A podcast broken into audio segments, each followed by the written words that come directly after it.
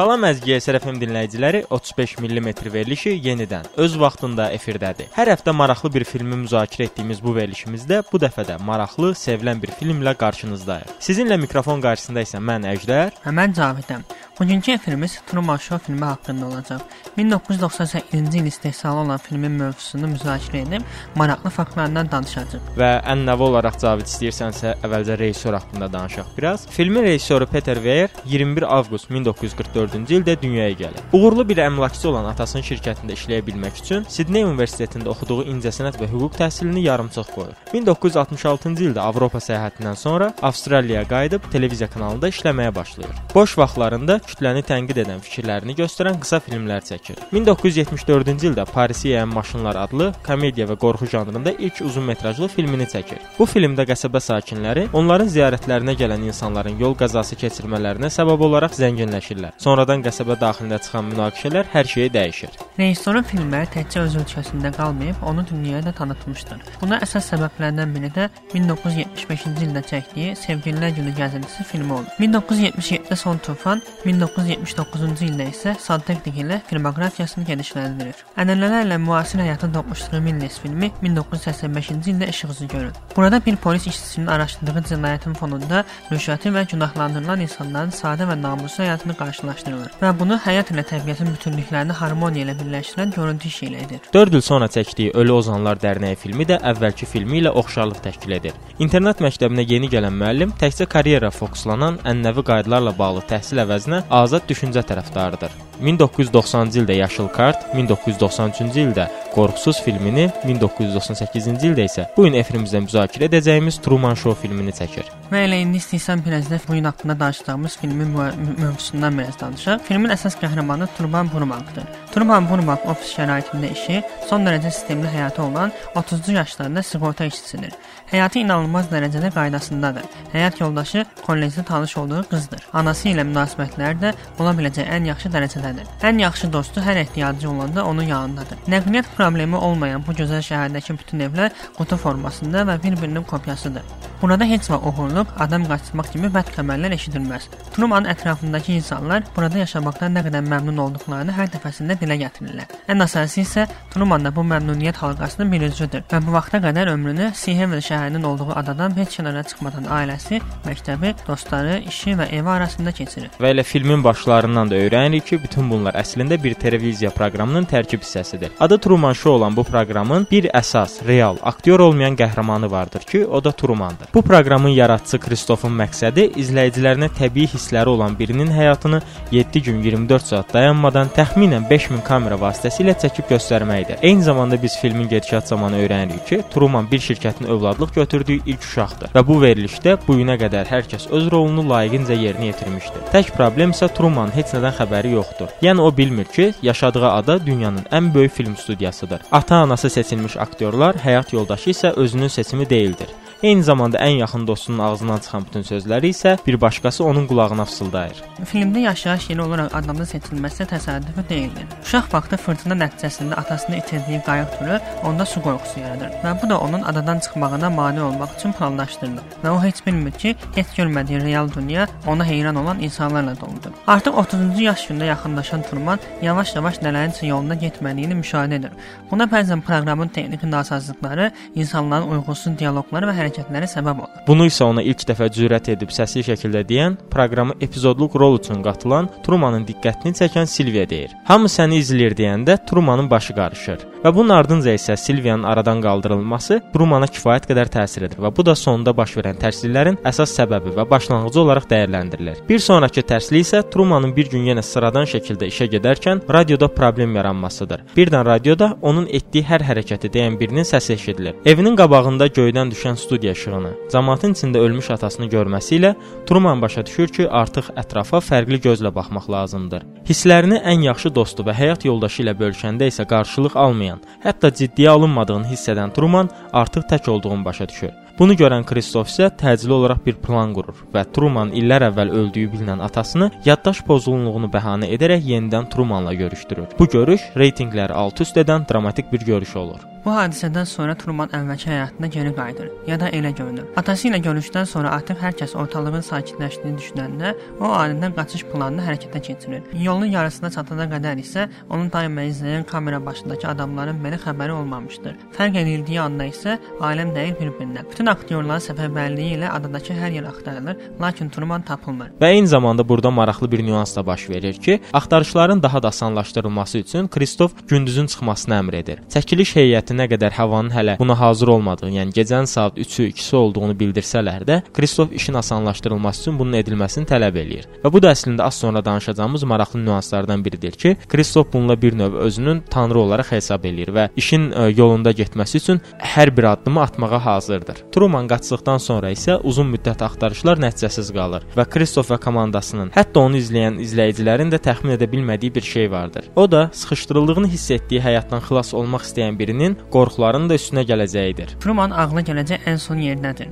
İllərdir içində gəmirən həqiqətə çatmaq ümidi ilə həyatdakı ən böyük qorxusuna dənizə yelkən açır. Amma o da birazdan başına gətiriləcək fırtınalardan xəbərsizdir. Ard-arda yerinə yetirilən sürünü şimşəklər fırtınadan sonra artıq Kristof havanı düzəldir. Bu filmdə daha düzgün desək Truman yaşadığı həyatda üfüqün sonunu görürük. Həqiqətə çatmaq üçün göz yaşları içində divarı yumruqlamağa başlayır Truman. Bu məqamda göylərdən bir səs eşidilir.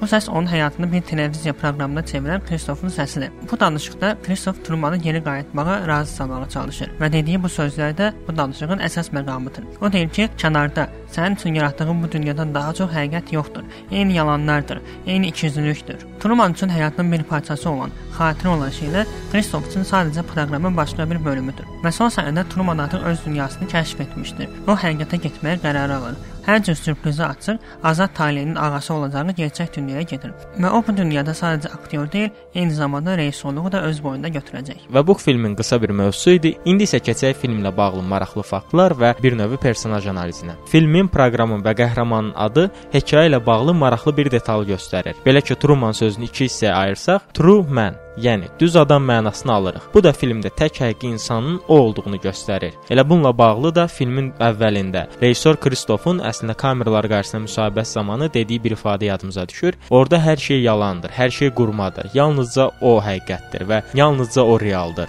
Truman bu şouda olan yeganə real, heç nədən xəbər olmayan aktyordur. Filmdə Trumanın yaşadığı Seyhevin adası bilindiyi kimi film studiyasıdır. Kristof isə bunun yaradıcısı, hər şeyi idarə edən insan, yəni tanrıdır. Onun da adı Truman kimi xüsusi məna daşıyır. Adındakı Chris hissəsi İsa adının ingiliscədə başqa bir versiyada yazılışıdır. Bu ad da onun xarakterinə uyğun olaraq Tanrını xatırladır. Və adı ilə yanaşı eyni zamanda filmdə ə, həmin personajın özü də özünü bir yaradıcı, Tanrı hesab eləyir və bunu filmin artıq ortalarına yaxın verdiyi müsahibədə bildirir ki, mən yaradıcıyam və onun ardınca isə əlavə edir ki, mən bu televiziya verilişinin yaradıcısıyam. Eyni zamanda isə filmin sonunda da maraqlı bir nüansla qarşılaşırıq ki, hadisələrin olduğu axından çıxmaması üçün əlindən gələni edən Kristof dalğalar yaradaraq hətta Trumanın belə ölümünə səbəb olacaqdı. Və ona deyiləndə ki, artıq bu qədər ə, uzun dalğa və yağış onun ölümünə səbəb ola bilər. Və o isə bildirmişdi ki, Truman televiziyada doğulub və elə televiziyada da ölsə böyük bir problem olmaz. Ən sonuncu səhnə, ə, hansı ki, artıq ə, Truman qapını tapıb studiyadan çıxmalı olduğu zaman Kristof onunla sanki göydən danışır və bu bir növ yaradıcı ilə yaradılanın söhbətinə bənzəyir və bütün bu nüanslar bir növ Kristofun əslində uzun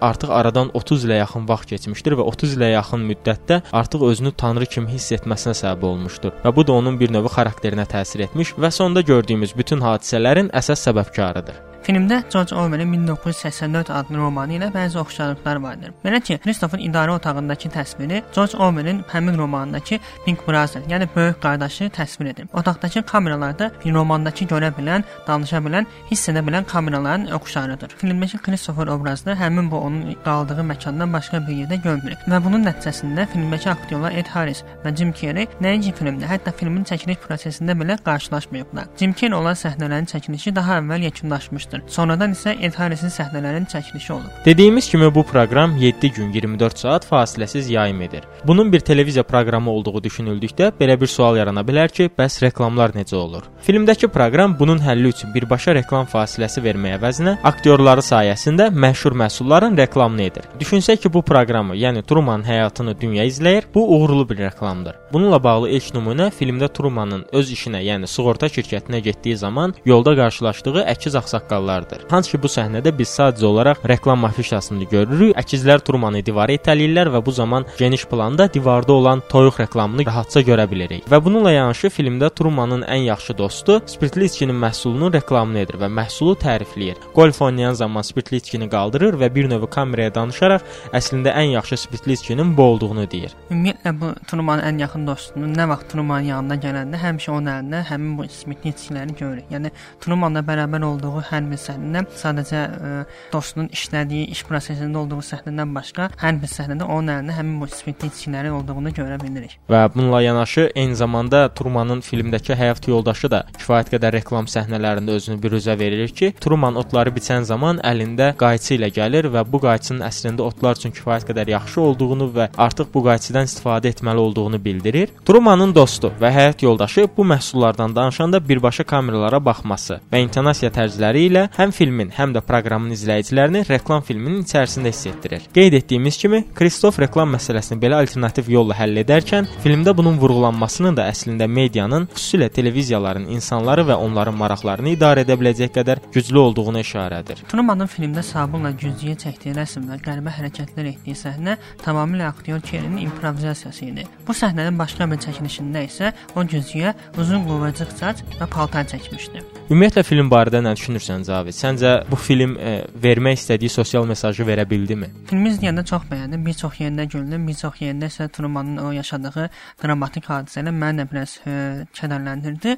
Amma filmin göstərdiyi hər şey demək olar ki, Kristofun e, elədiyi o ideya çərçivəsində göstərilib. Yəni onu demək istəyir ki, əslində bu film başlayığı bir media tənqididir. Yəni bu filmdə Trumanın həyatını biz əgər bir adi bir televiziya proqramı kimi görürüksə, deməli bu ham hamımızın başına gələ biləcək bir şeydir. Və bu da e, Kristofun elədiyi əslində böyük bir medianın xüsusi bir təcəssümüdür. Yəni Kristof burada bir media e, nümayiş etdirir və e, bu həmin mediadır ki, o e, bizim üzərimizə hər bir hər bir gücə malikdir və o bizi istədiyi kimi yönləndirə bilər. Hətta vəziyyət o yerə gəlib ki, dünyada milyonlarla insan bir insanın həyatı üzərində qurulan bir televiziya proqramında tamaşası tamaşa edir və onu ə, hər daim izləyirlər. 7-24 saat izləyirlər. Burada məncə bu biraz ə, ədalətsizlik və biraz da qəddarcasına gəlir. Yəni bu filmdə Kristof obrazını ya heç mi ona qarşı çıxan olmayıbdı? Yəni bir insan həyatına qarışmaq heç kimi narahat etməmişdi. Mən bu məni bu suallar narahat edir. Əslində Truman Show-ya qarşı olan bir insanların da olduğunu görürük. Kristof da müsahibəsi zamanı bu barədə bildirmişdi ki,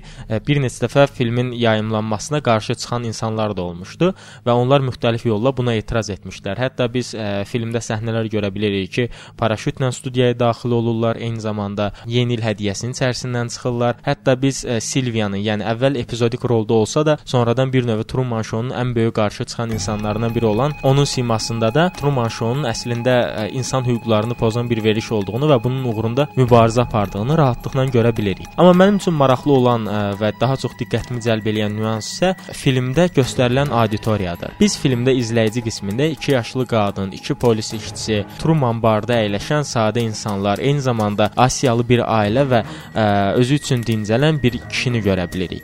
Və bu da əslində bu bütün ə, irqindən, cinsindən, dinindən və müxtəlif həyat tərzindən asılı olmayaraq hər bir insanın ə, media tərəfindən manipulyasiya edilə biləcəyini göstərir. Bu manipulyasiya da bu filmdə Truman Show adı altındadır. Hətta vəziyyət o həddədir ki, insanlar televizorunu açıq halda yatır, öz gördüyü işlərin hər birindən sırf bu verilişə baxmaq üçün vaz keçir və biz bunu filmin sonuna yaxın polislərin qismində görə bilirik ki, arxadakı şəxslərdən biri polislərə yaxınlaşaraq nəsə demək istəyir, amma onlar sadəcə olaraq onu yola salıb filmi davam etməyə başlayırlar və Truman bardakı insanlar da bir növ Truman həqiqəti ilə yaşayırlar və filmin əvvəlində də elə biz həmin barın üzərində olan rəqəmə əsasən, yəni 10909-a əsasən artıq neçə gündür Truman şounun davam etdiyini də görə bilirik. Bu da bir növ medianın hər bir auditoriyaya çatımlığını bir daha göstərir. Və bu baxımdan da biz əslində medianın nə qədər güclü bir idarə etmə orqanı olduğunu da görə bilirik. Sadəcə olaraq düzgün istifadə etməyə bacarmaq lazımdır. Tamamilə haqqlısın Əjdər və bununla bağlı bir dənə tamam e, başqa bir məlumat demək istəyirəm ki, 2008-ci ildə New York Times-da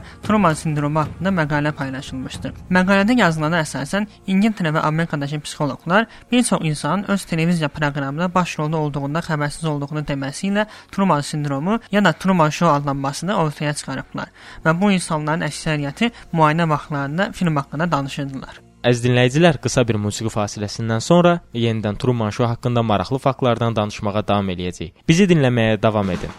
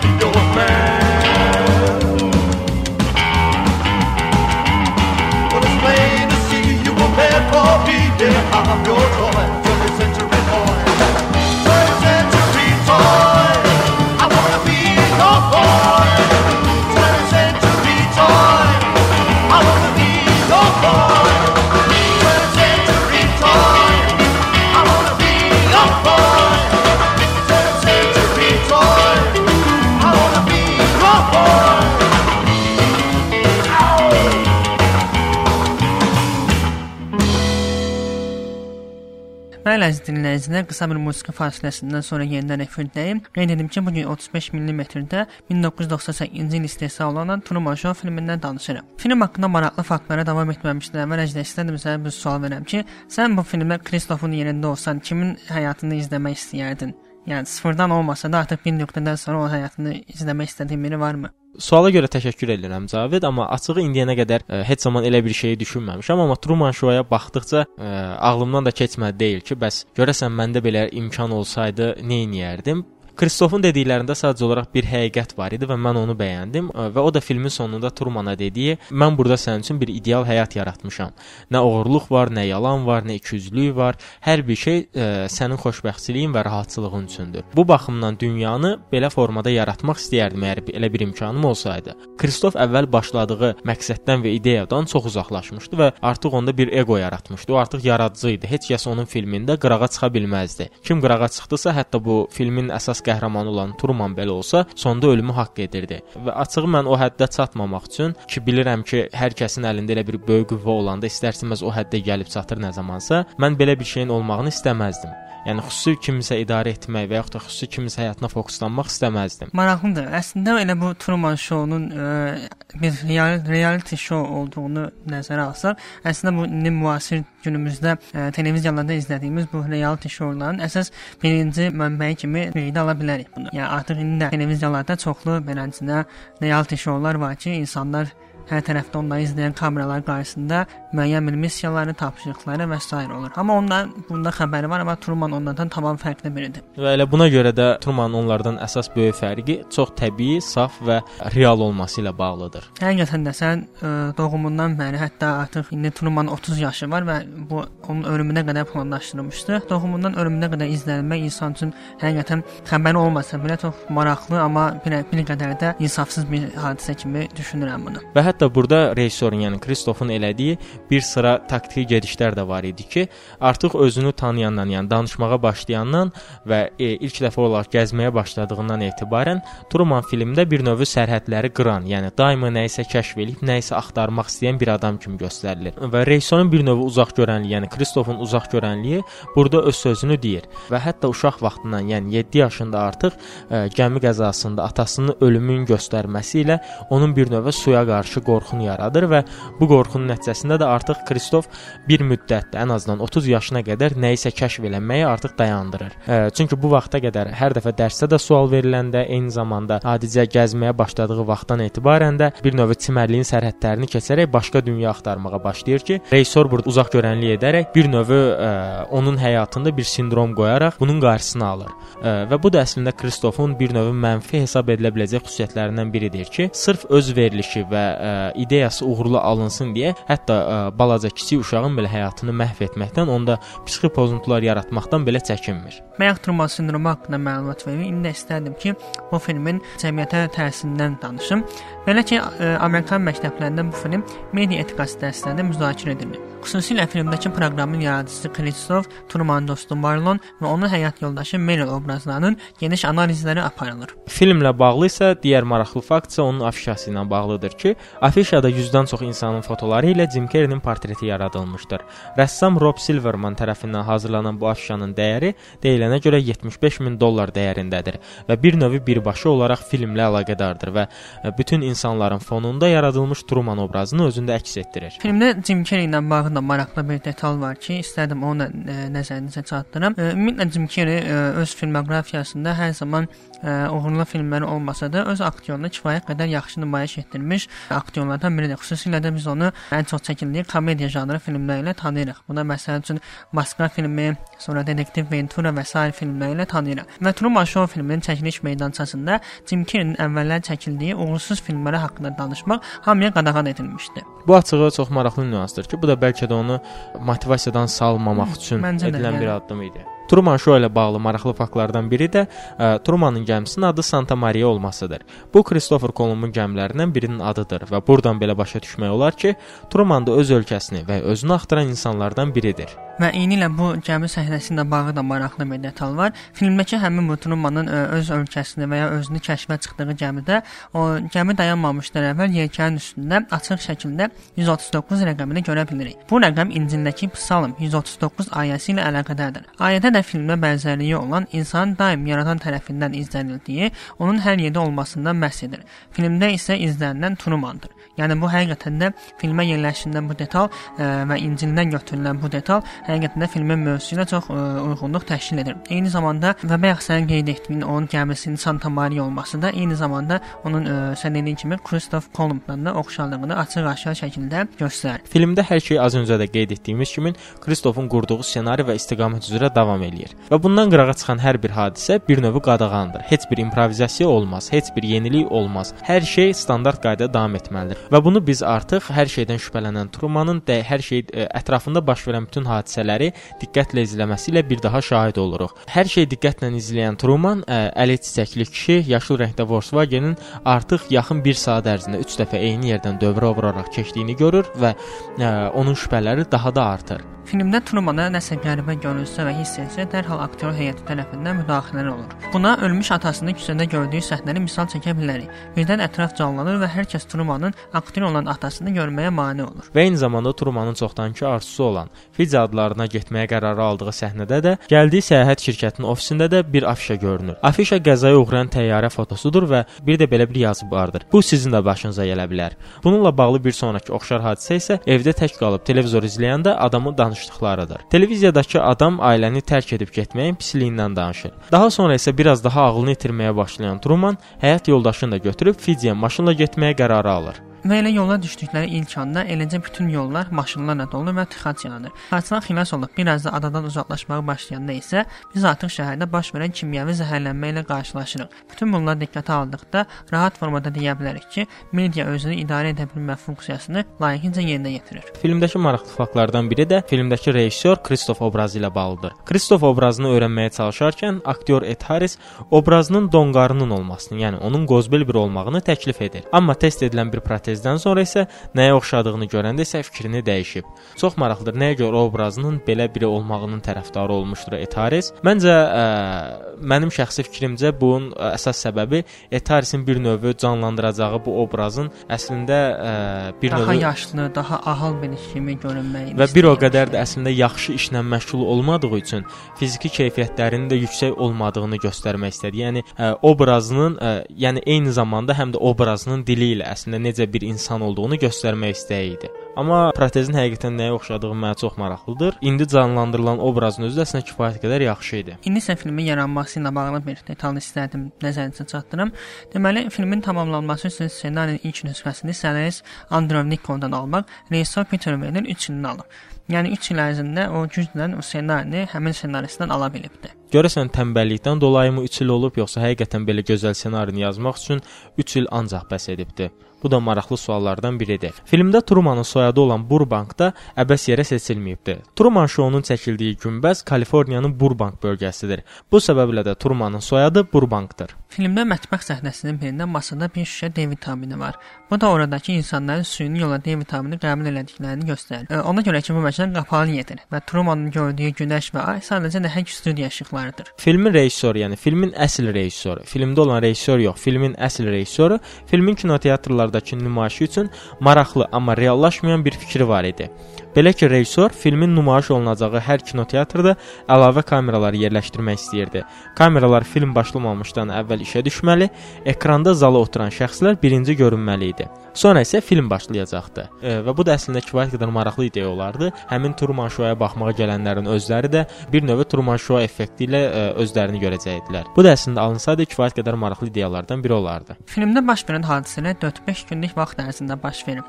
Truman Show proqramının başlanğıcında Trumanın 10909-cu günündə olduğu göstərilir. Sonlarda isə bu proqramı izləyənlərin kiçik bir hissəsinin toplaşdığı Truman adlı barda isə televizor üstündə 10913-cü gün olduğu göstərilir. Filmdə Jim Carrey ilə də bağlı maraqlı bir nüans var idi ki, və mən oxuduğum qədərilə aktyor Jim Carrey ən başdan bu rol üçün rejissorun ilk seçimi idi. Normalda 20 milyon alan Jim Carrey isə bu film üçün cəmi 12,5 milyon dollar pul almışdı. Və oxuduğum qədərilə bunun əsas səbəbi isə komedik janrda öz fəaliyyəti ilə seçilən Jim Carrey-nin dram janrında öz xüsusiyyətlərini o qədər də çox istifadə etməməsi ilə əlaqədar idi. Və buna görə də onun maaşı bu qədər aşağı salınmışdı. Məncə bunu normal qəbul eləmək olar, çünki əgər komediya filmi ilə bir dram filmini müqayisə eləsə, təbii olaraq komediya filmindəki aktyorun göstərdiyi performans dram filmində nəzərə daha çox olur. Yəni tam olmasa da biraz daha çox olur. Çünki o komediya filmindəki aktyor daim izləyicisini güldürməli və daim e, hiperaktiv bir enerji içində olmalıdır. Amma e, yenə buna baxmayaraq, e, məncə Carrey bu filmdə də dram rolunu çox layiqincə yerinə yetirmişdir. Bununla yanaşı bu da bilinən bir şeydir ki, filmlərin video anonslarında olan, amma filmlərdə yer almayan səhnələr olur. Silinən səhnələr bu filmdə də var və deməli filmin müxtəlif video anonslarında olan, amma filmin orijinal və DVD versiyalarında silinən bir neçə səhnə vardır. Bunlardan biri də xəbərdarlıq divarıdır. Bu divarda xəbərdarlıq olaraq Truman Show-da iştirak edən aktyorlara deyilirdi ki, telefonları yığışdırın. Çəkiliş meydançasında ssenari qadağandır və vəsiqələrə də icazə yoxdur. Təbii bunlar başa düşüləndir, çünki Truman bunun bir oyun olduğunu başa düşməməlidir. İndi isə filmin rejissoru Peterin film üçün etdiyi bir texniki e, hilədən danışaq. E, belə ki, rejissor Peter filmi 1.66 bölünsün bir çərçivə nisbətində çəkib. Bu isə filmin həqiqi televiziya proqramı hissi verməsi üçün idi. Çünki televiziyanın standart çərçivə nisbəti belədir. Bu versiya filmin ancaq orijinal DVD-lərində belədir. Kinoteatr nümayişi üçün isə film 1.85 bölünsün bir nisbətində kəsilmişdir. Filmdə maraqlı faktlardan biri də ssenarinin orijinal razılaşmasında bu film elə ssenaristin debüt işi olacaqmış. Amma Paramount şirkəti təxminən 80 milyon büdcənin onun üçün çox olacağını düşünür. Üstəlik bu şirkət film üçün A kateqoriyalı rejissor istəyirdi. İlk düşünülən adamlardan biri də Brian De Palma idi. Siyahıda ondan sonrakı rejissorlardan olan Tim Burton, Terry Gilliamdan əvvəl 1995-ci ilin əvvəllərində Peter Weir ilə müqavilə imzalanır və bu da ssenarist Nikolun tövsiyəsi ilə baş tutur. Ssenarist Nikolun rejissor olacağı təqdirdə isə baş rolda Gary Oldman olacaqdı. Bu versiyada olacaq ilk qərarlar isə filmin Manhattanda çəkilməsi və filmin adının The Malcolm Show olması ilə bağlı idi. Ya burada sən dediyin kimi müqavilə 1995-ci ildə bağlanıb, amma filmdə 1992-ci ildə işığımızı görür. Bəlkə də bu 3 illik fasiləni ssenarist bir acıq olaraq, yəni 3 il gecikdirib ki, filmi ona verməyiblər. Ona görə də bu da biraz e, filmi ssenarini gecikdirib. Amma haqqını yeməyə bu film elə məncə də 3 il ərzində başa başa gələ biləcək bir film səviyyəsindədir. Ə, həqiqətən bu 3 illik əziyyətə dəyərmiş və film sanki ikinci bir hissənin çəkilə biləcəyi ehtimalını da verə bilər. Çünki elə biz izləyicilər üçün də Trumanın bundan sonra nə edəcəkləri maraq doğura bilər. Görəsən bundan sonra real həyata necə uyğunlaşdı, geri qayıtmaq istədimi? Yəqin növbəti film əgər çəkilə bilsə, bu suallar ətrafında müzakirələr artıq ola bilər, amma mənim fikrimcə artıq ə, belə bir şeyin olma ehtimalı çox azdır. Çünki artıq filmin çəkilməsinin üzərindən demək olar ki, 20 ilə yaxın vaxt keçibdi. Çünki Jim Carrey artıq əvvəlki Jim Carrey deyil.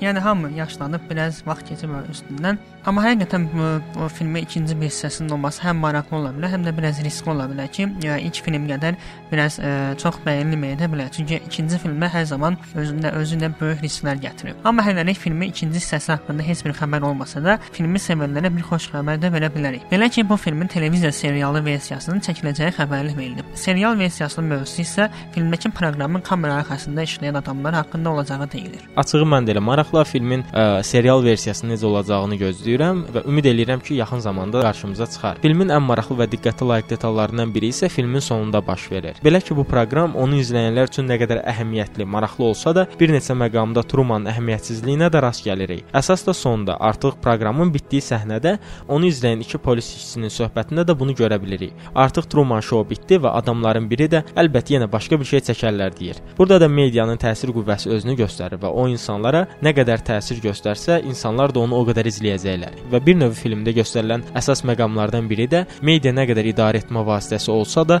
insanlar da bir növ o qədər idarə olunma vasitəsidir.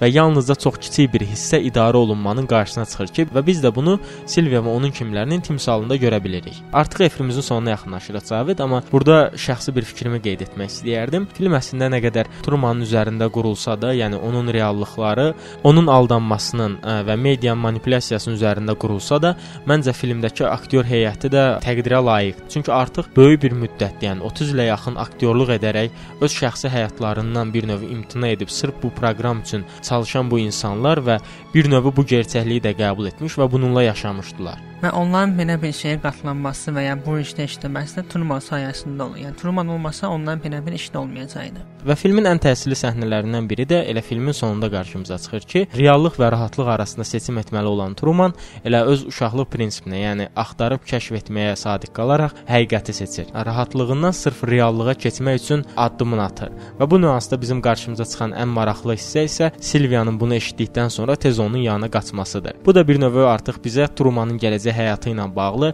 xırda da olsa detalları verir ki, artıq ə, onsuz da məşhur olan Trumanın gələcəyi necə ola bilər və bu barədə öz ikinci film gəlməməsinə baxmayaraq bu barədə öz təxminlərimizi də yürüdə bilirik. Belə əziz dinləyicilər, təəssüf bizə ayrılan vaxtın sonuna gəldik. Sizinlə mikrofon qarşısında mən Cavid Və mən Əjdər idim. Bu dəfə sizlər üçün 1998-ci il istehsalı olan Truman Show filmini müzakirə etdik. Fərqli bir ssenari və mövzuya sahib olan bu filmin maraqlı faktlarından danışdıq. Gələn həftə də eyni vaxtda cümə günü saat 19:00-da başqa bir maraqlı filmlə görüşmək diləyi ilə. sağ olun, salamat qalın.